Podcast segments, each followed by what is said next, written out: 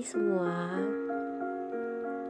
Jadi uh, malam ini aku rekaman podcast dengan sebenarnya kondisinya kurang baik karena jujur-jujur aja uh, belakangan ini uh, ngerasa kurang sehat dan kayak kurang sehat itu karena bukan karena covid bukan karena imun tubuh yang turun. Ya bisa dibilang imun tubuh yang turun tapi bukan karena covid. Uh, aku alergi dingin dan nggak tahu kenapa. Mungkin aku sama adikku aja kali yang ngerasain. Mama papaku juga ngerasain sih sebenarnya. Jadi Bali itu akhir-akhir ini dingin banget walaupun di uh, Google dibilangnya 26 derajat 27 derajat. Tapi jujur itu ngerasa aku dingin banget bahkan sampai kayak gatal-gatal di badan. Jadi sebenarnya tadi tuh nggak mau nggak jadi gitu kan mau rekaman podcast malam ini. Cuma aku mikir lagi mau kapan lagi gitu karena perkuliahanku pasti semakin hari semakin padat.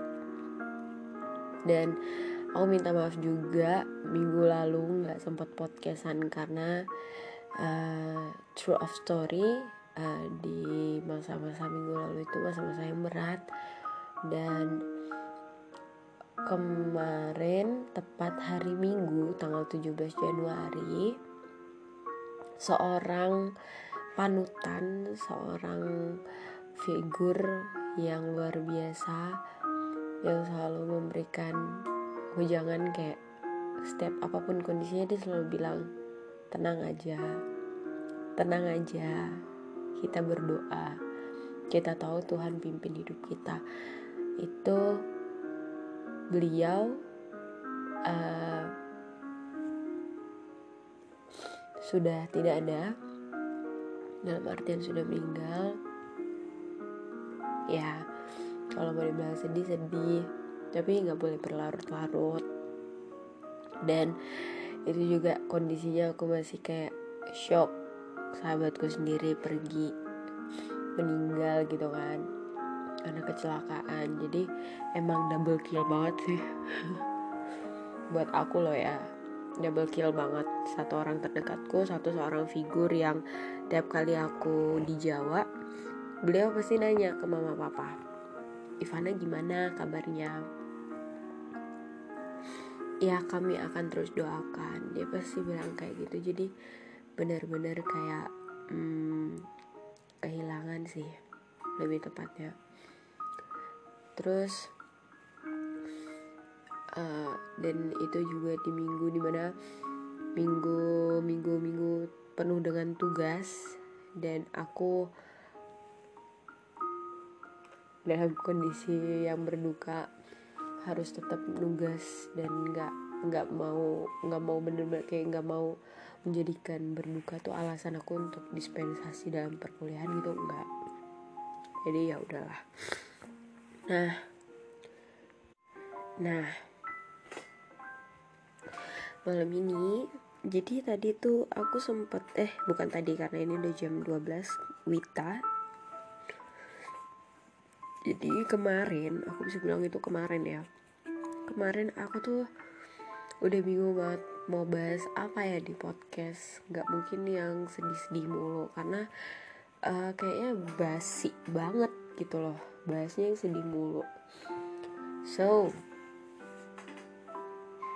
uh, setelah itu akhirnya aku kepikiran untuk buat uh, coba deh open question box. Siapa tahu ada orang yang mau request gitu kan mau tentang apa. Ya udah aku buka terus banyak sih yang nyaranin. Ada yang nyaranin kayak tentang sahabatku itu yang meninggal. Terus kayak, kayak untuk mengenang.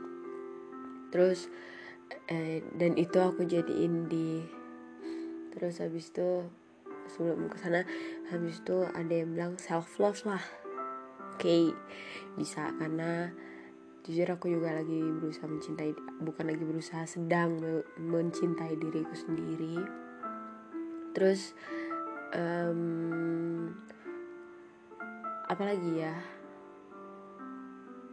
Oh toxic people. Ada yang saranin toxic people juga. Terus ada yang saranin apalagi satu gitu. Pokoknya ada empat.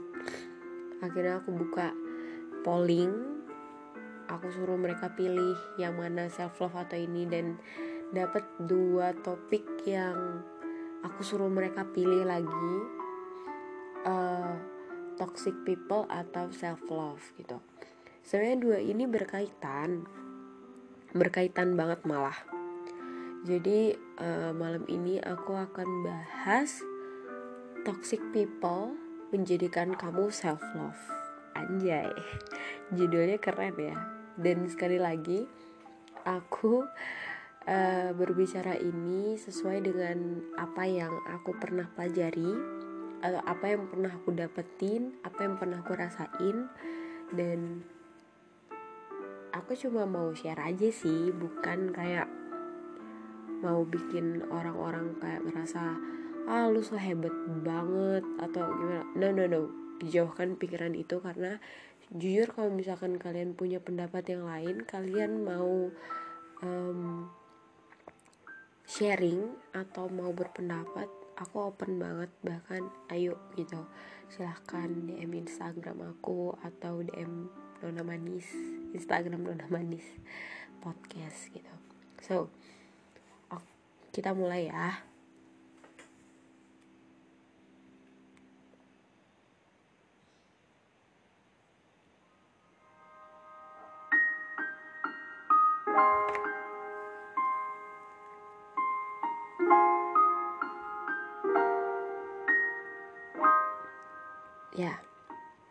jadi tepat tanggal 3 Juni 2020 kemarin aku membuka question box berkaitan dengan toxic people. Um, aku yakin mungkin tanpa sadar orang-orang berpikir bahwa mereka itu nggak toxic. Mereka itu nggak nggak mereka tuh baik. Mereka tuh nggak akan ninggalin mereka tuh yang to the point. Terus habis itu uh, itu yang terus apalagi itu kalau dalam pertemanan kayak dia emang orangnya kayak gitu kok. Belak belakan bla bla bla dan sebagainya. Tapi uh, kalau dalam pasangan mereka selalu bilang kayak gak dia sayang gue kok. Dia sayang banget makanya dia kayak gitu. Makanya dia, dia tuh nggak mau gue kenapa-napa. Makanya dia protek protek gue banget. Uh, jujur uh, toxic dalam kita bahas dari toxic pertemanan ya. Karena aku pernah di posisi itu dan itu terjadi ketika aku aku melihat gitu. Orang-orang yang bener-bener uh, toxic. Uh, sebenarnya nggak mau ngangkat cerita tapi lebih kayak kalau menurut pengalamanku ya aku juga termasuk some people yang toxic sebenarnya tapi aku berusaha kayak menjauhkan hal-hal itu kayak kadang gue sadar gue tuh toxic. Bilang bangsat lah anjing bajingan asu dan kayak ya sebenarnya no problem gitu kan. Tapi itu akan menjadi toxic ketika kamu menjadikan itu sebagai luapan emosi. Nggak no no. Bukan luapan emosi tapi lebih kayak lu ngatain orang nih. Lu ngatain orang lu anjing ya gitu. Lu bangsat ya. Lu bajingan asli. Kayak gitu. Itu tuh kayak it's, menurutku toxic sih. Karena lu ngatain orang anjir dan itu bikin sakit hati orang gitu. Dan uh, toxic itu seperti ketika lu digituin ketika hal yang orang lain lakukan ke lu dan lu nggak suka dan dia tahu gitu lu nggak suka tapi dia tetap ngelakuin. That's a toxic. Itu racun. Terus maybe di dalam pertemanan juga ada ya orang yang kayak lu nggak boleh temenan sama dia. Gue gak ikhlas lu sama dia. Gue gak gini-gini. Itu ada. Dan jujur itu terjadi di gue itu terjadi di aku banget. Why gitu? Kenapa gitu? Kok bisa bilang? Aku ketika punya orang yang udah deket banget sama aku dan dia deket sama temanku yang lain bahkan kayak lebih sering lebih intens dibanding bareng sama aku that's make me kayak apa sih nih orang? Kok ngerebut temen gue kok gini gini itu i, gue pernah gitu aku pernah gitu di posisi itu. Tapi makin hari aku belajar gitu. Nggak semua orang yang ada di dunia ini tuh milik aku gitu. Makanya kayak nggak mau aja bikin uh, mungkin orang-orang terdekatku sadar kali ya. Mereka bahkan ada yang bilang kayak gue tahu lu tuh cemburuan nak gitu. tapi uh, itu bukan alasan gitu loh. Dan kamu nggak boleh kayak gitu. Aku ya punya aku kamu ya punya kamu dia ya punya dia. Aku bukan punya kamu dan aku bukan punya dia gitu. Temanku ngomong gitu. Dan aku di situ kesadar kayak iya ya kok gue toxic sih? gitu. Kok gue egois banget? gitu. Dan itu nggak baik banget gitu loh. Akhirnya dari situ aku menarik diri gitu. Dan kamu merasa hal itu toksik ketika kamu merasa tersakiti. I mean like this. Uh, selain dari ngata-ngatain maybe ya kayak aku kemarin sempet lah kayak ada gosip yang kesannya cabul di dengar orang gitu kayak wah si Ivana dia deket sama cowok ini dia deket cowok itu. Wah pasti apalagi kemarin sempat kerja. Wah ini cewek pasti gampang dibungkus nih. Gampang dibawa pulang gitu. Ya sebenarnya sakit hati ya.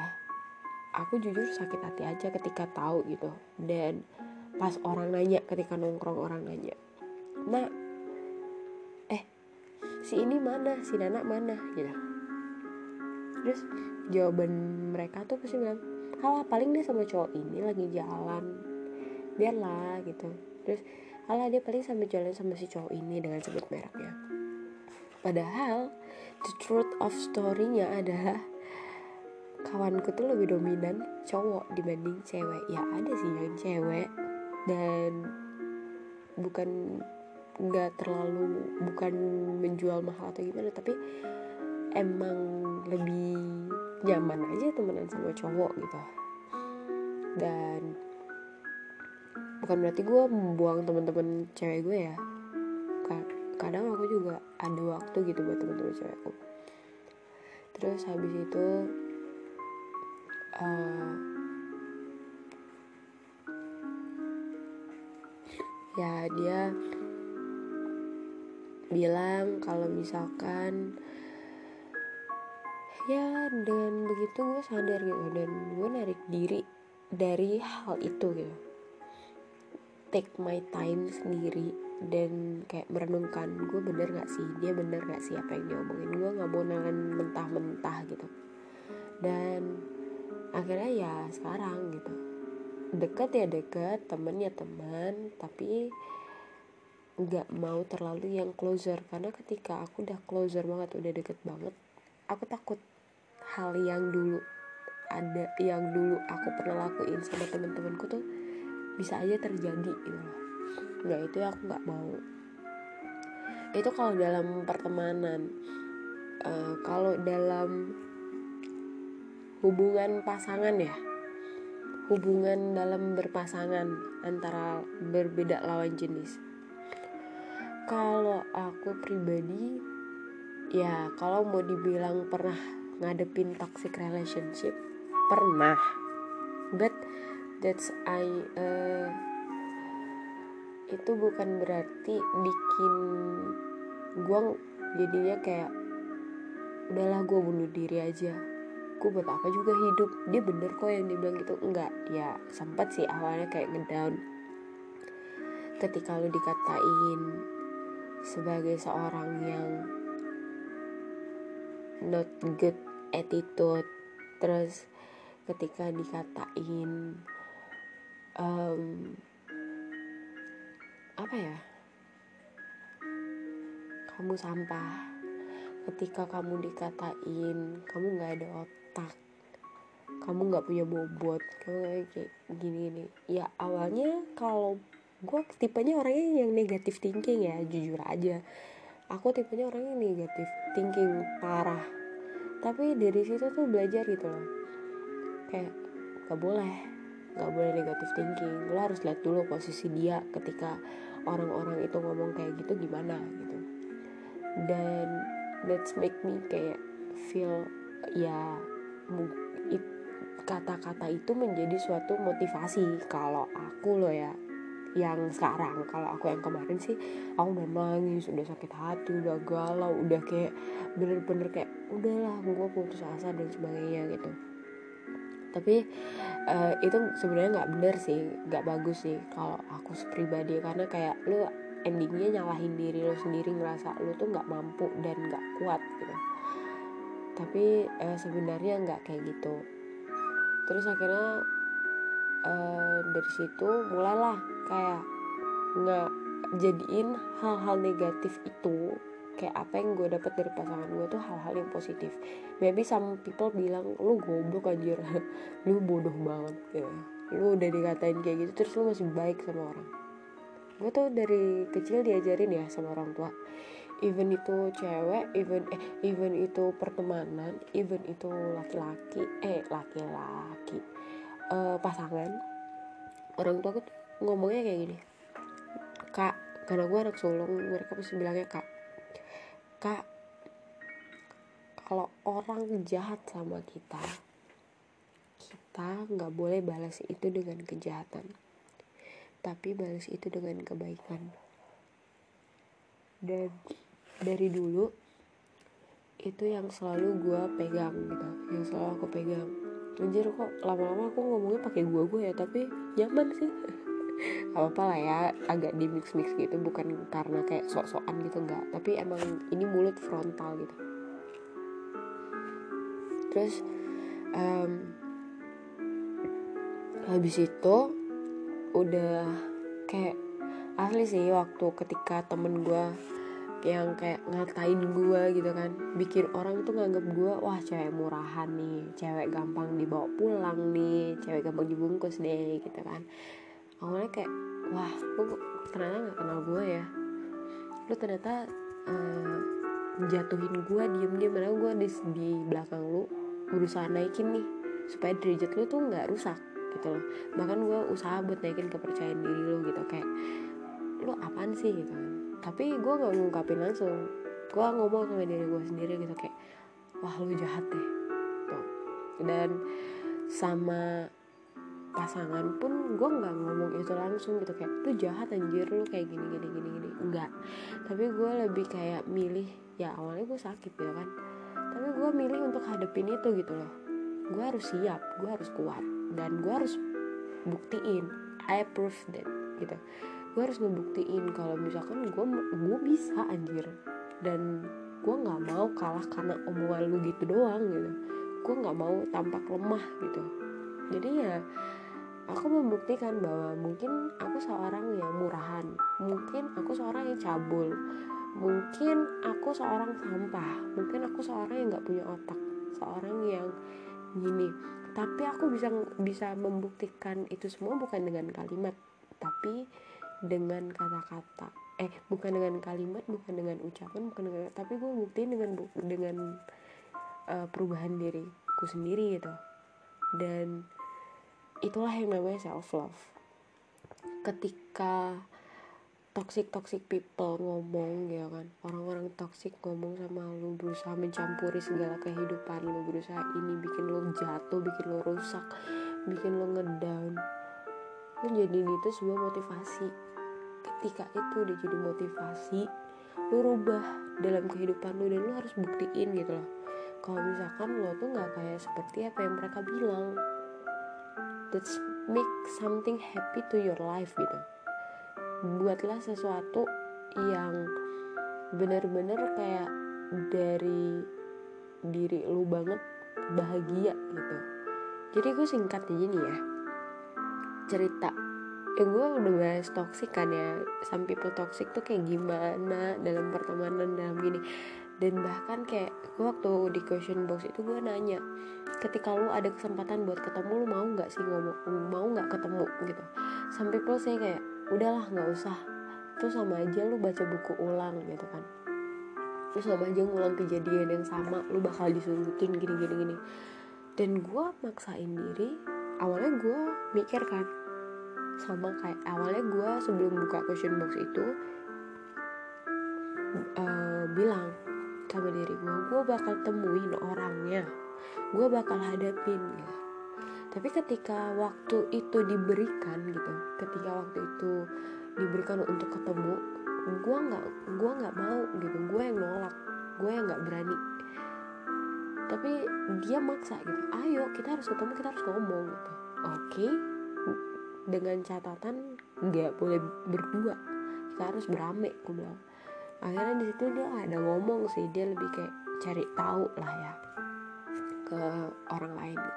Terus akhirnya adalah kesempatan kami berdua ngomong dan di situ ya emang ada sisi di mana dia menyudutkan. Tapi gue nggak mau hal menyudutkan itu menjatuhkan gue tapi gue bilang gue terus terang sama dia. Gue bilang lo tau gak sih? Gue tuh sakit hati ketika lo ngomong kayak gini tapi itu bukan berarti menjadikan gue untuk gak sanggup buat menjalani hidup gitu. Gue bisa dan gue mau untuk belajar lagi. Ini tuh namanya proses buat gue aku bilang kayak gitu. Dan di situ kita clearin masalah kita kita clearin dan mungkin dia masih emosi ya. Ketika itu gue ketahuinya siang dan pas malamnya gue ketemu lagi tanpa sengaja sama dia dia kayak orang yang gak kenal gue anjir. Gue langsung kayak what? Oke okay lah it's okay. Yang penting gue udah berusaha melontarkan apa yang gue rasain dan dia juga udah bilang apa yang dia iniin gitu.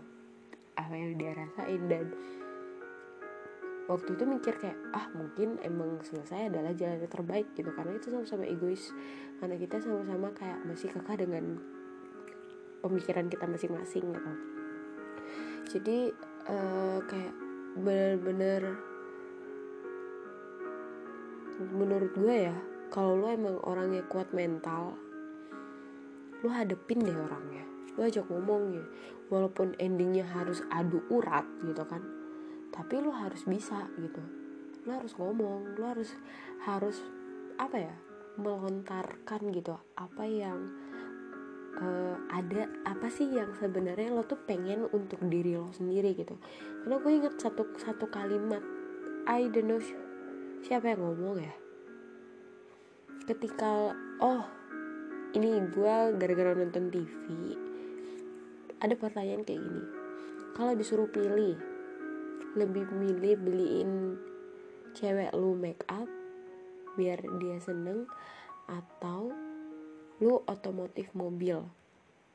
Karena kondisinya yang cowok ini adalah seorang eh seorang yang suka modif mobil gitu. Dan dia jawab gue lebih pilih modif mobil lah. Terus ditanya alasannya kenapa?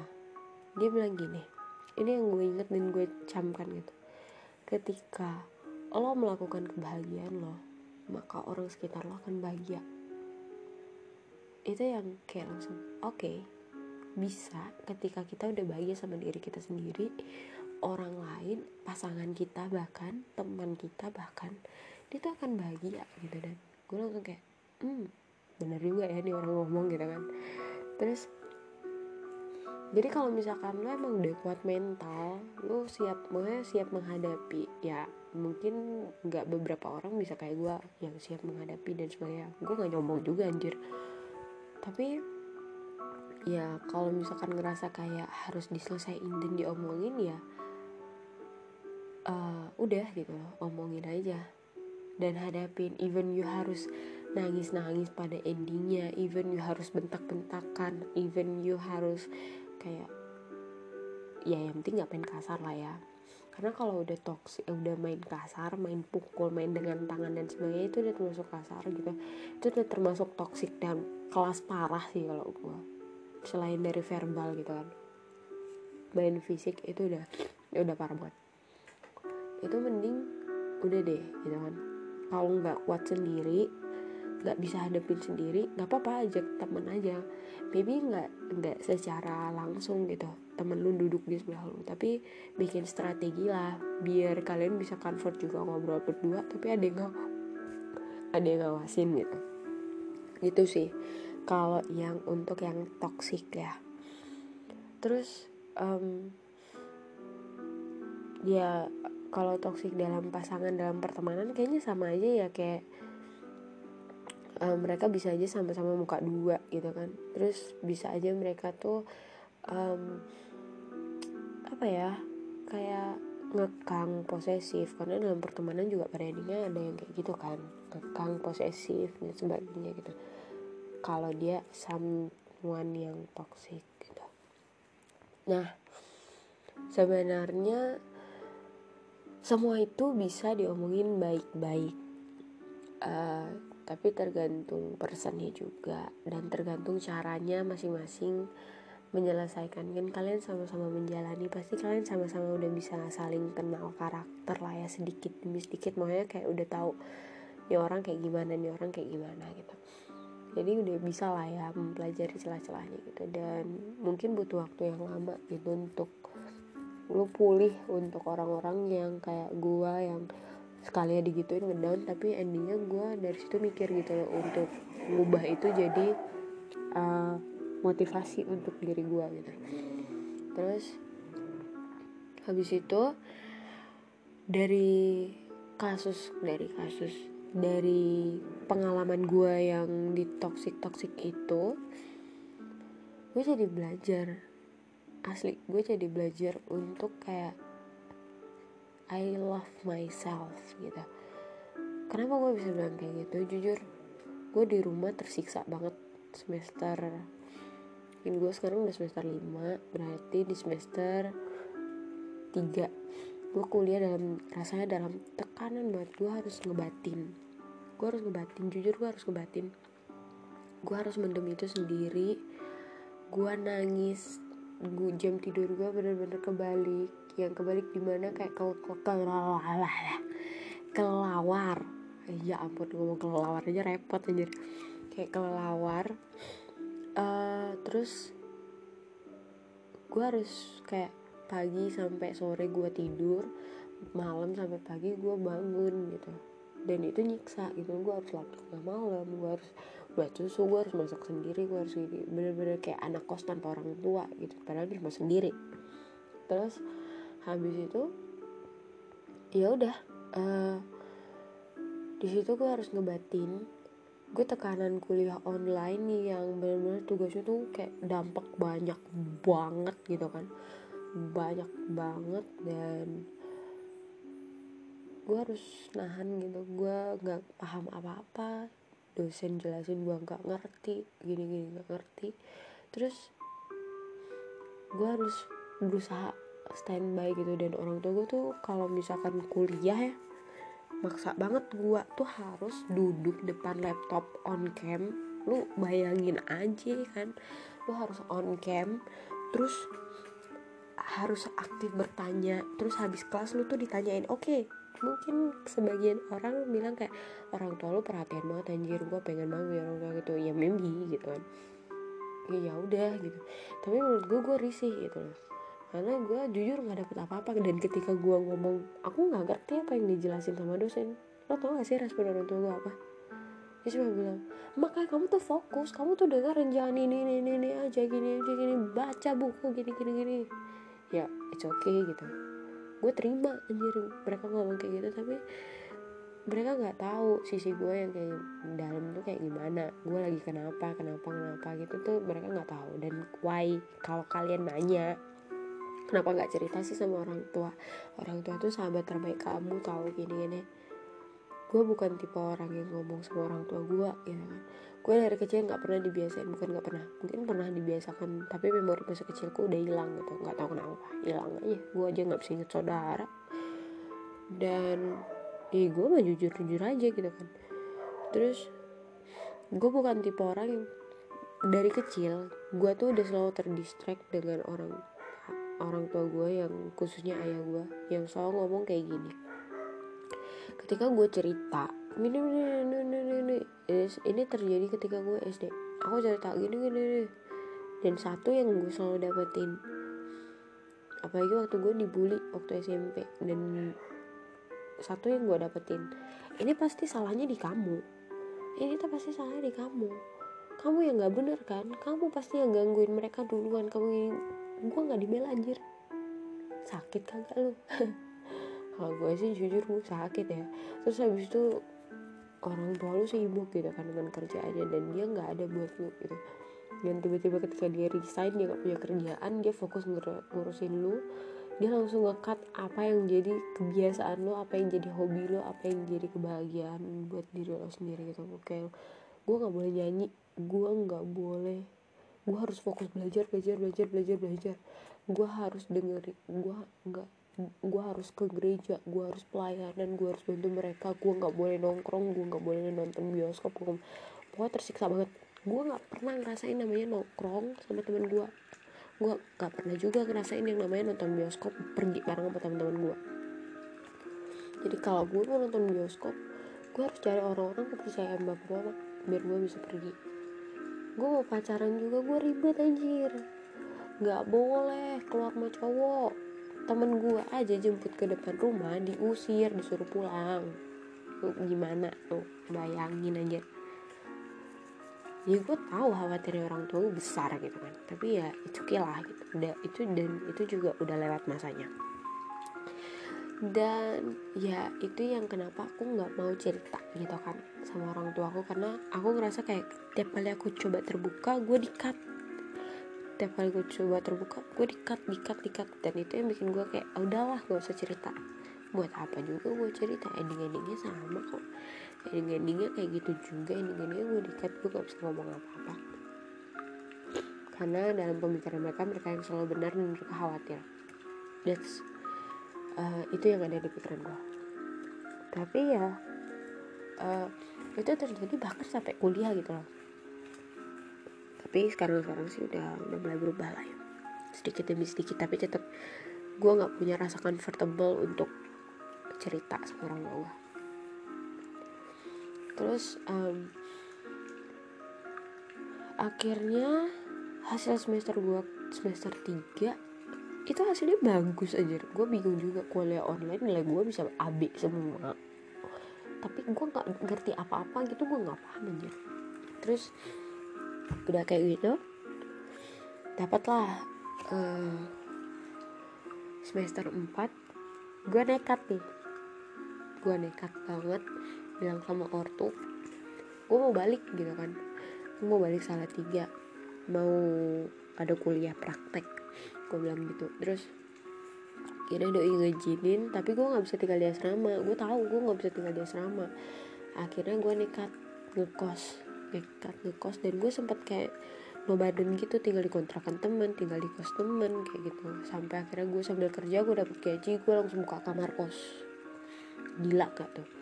Ke kamar kos terus gue kerja ada tiga bulan. Akhirnya gue ketahuan dan di situ gue ngelosin uh, ini gue perkuliahan gue walaupun orang tua gue udah bayar gue tetap ngikutin cuma gue nggak ada beberapa tugas yang gue nggak kerjain karena uh, gue kerja gue ngerasa kayak benar-benar nggak fokus sama di situ gue bener-bener fokus dalam pemulihan diri gue sendiri. Kerja adalah satu pelarian gue. Jadi gue kerja gue kerja terus gue uh, pergi subuh jalan kaki sendiri nikmatin waktu-waktu sendiri nikmatin waktu-waktu bareng teman-teman gue ngumpul sama teman-teman gue. Terus uh, pokoknya gue ngelakuin apa yang bikin gue bahagia gitu. Gue shopping gue jalan gue nikmatin gue ke salon gue ke ngerja uh, kadang gue ngerjain tugas juga. Terus gue ini itu pokoknya yang benar-benar I'm happy gitu gue kerja gue dapet teman-teman baru relasi baru dari customer gue gue banyak kenalan jadinya dan sebagainya. Terus gue dapet band-band yang lumayan ternama juga gitu. Itu gue lakuin tiga bulan.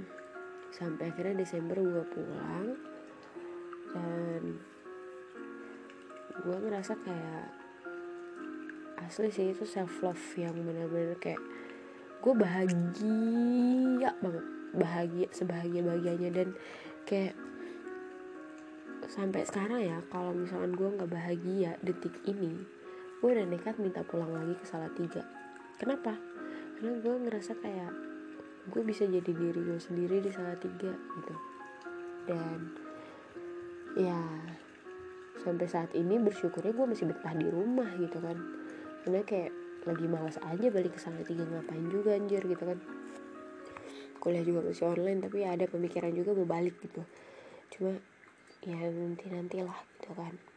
Jadi ya itu sih ketika ketika gue punya masalah di situ gue belajar untuk mencintai diri gue sendiri. Contohnya ya dari orang-orang toxic itu dan thank you so much buat mereka yang sudah membanting gue bener-bener dibanting gitu kan. Banting babak belur tapi gue berusaha ngobatin itu sendiri. Dan ketika toxic people itu ngejatuhin lo dan bikin lo ngedown yang bisa ngobatin itu bukan mereka tapi diri lo sendiri. Gitu sih kalau gue mah ya. Terus uh, eh, gue harap ini bisa membantu sih. Ini aku harap banget ini bisa membantu dan menjawab pertanyaan kalian. Mungkin kalian denger ini kayak muter-muter apa sih lo cerita ini ntar cerita ini cerita ini tapi uh, lo bisa lah ya ngambil kesimpulannya sendiri. Kalau misalkan ketika lo tapi self love bukan berarti terjadi ketika lo punya masalah. Ya maybe gitu kan. Bisa aja hal itu terjadi. Tapi ketika lo benar-benar ngerasa kayak gue perlu cintain diri gue sendiri. Take your time. Ambil waktu me time gue sendiri. Gue tiga bulan anjir. Ambil waktu me time gue sendiri dan itu bener-bener asik banget lu keliling keliling keliling kayak sama temen lu. Lu ke mana? Udah sok kui banget lah pokoknya. Nak ke sini kui. Nak ke sini kui. Nak nongkrong kui. Nak buat tugas kui. Hmm gua mah gak kui aja gitu kan. So asik aja gitu. Pokoknya gue nak ke Semarang kui gitu. Pokoknya gue kui aja mau sejauh apa pun gini asal gue masih punya duit mah gue pergi ya. Gitu sih kayak bener-bener self love tuh ketika lo bisa ngebagian lo ngelakuin apa pun yang bisa bikin lo bahagia.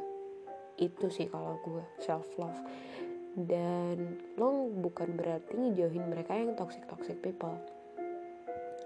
Mungkin bukan menjauhi ya lebih kayak membatasi lo tetap menjalin pertemanan. Gue jujur gue pasti menjalin pertemanan sama orang-orang toxic itu gitu. Dan mereka gak gue jauhin. Gue hanya membatasi kayak ketik gue ngambil ininya sih baik buruknya sih. Ketika mungkin menjadi seorang yang kasar dalam ucapan tuh kadang asik tahu di lingkaran orang yang alim. Karena kayak itu cuma bisa itu bisa jadi salah satu pencair suasana gitu tapi kadang kalau keseringan bahkan sampai kayak membuat membiasakan bahkan apalagi sampai kayak emosi dipakai saat lagi emosi that's not good sih. Itu nggak bagus banget gitu. Dan aku belajar buat ngurangin hal-hal itu gitu. Jadi ya just do something make you happy. If you down yang bisa ngobatin itu ya cuma lo doang gitu dan lo butuh oh temen sih. Dan di saat-saat lo ngedown tuh mungkin nggak semua orang betah dengerin cerita lo yang berulang-ulang-ulang kali tentang hal itu hal itu hal itu. Bahkan nggak semua orang juga kuat buat nguatin lo setiap saat. Kayak udah lo jangan ngedown lo harus kuat. Ayo dong lo bisa gini. Ada setiap orang tuh pasti ada di titik capeknya dia sendiri untuk ngingetin lo gitu kan. Dan yang bisa nyembuhin itu semua cuma diri lo sendiri gitu. Jadi uh, saran gue ya lo semangat. Kalau misalkan kalian ada di posisi ngerasa kayak gue punya gue kayaknya punya lingkungan di lingkungan orang-orang toksik deh. Gue kayak di habis dibully deh gini gini gini. Uh, saran gue mending tarik diri dulu deh dari tarik diri dalam artinya lu bukan ngejauhin dia maksudnya kayak lu ngambil waktu buat diri lu sendiri gitu.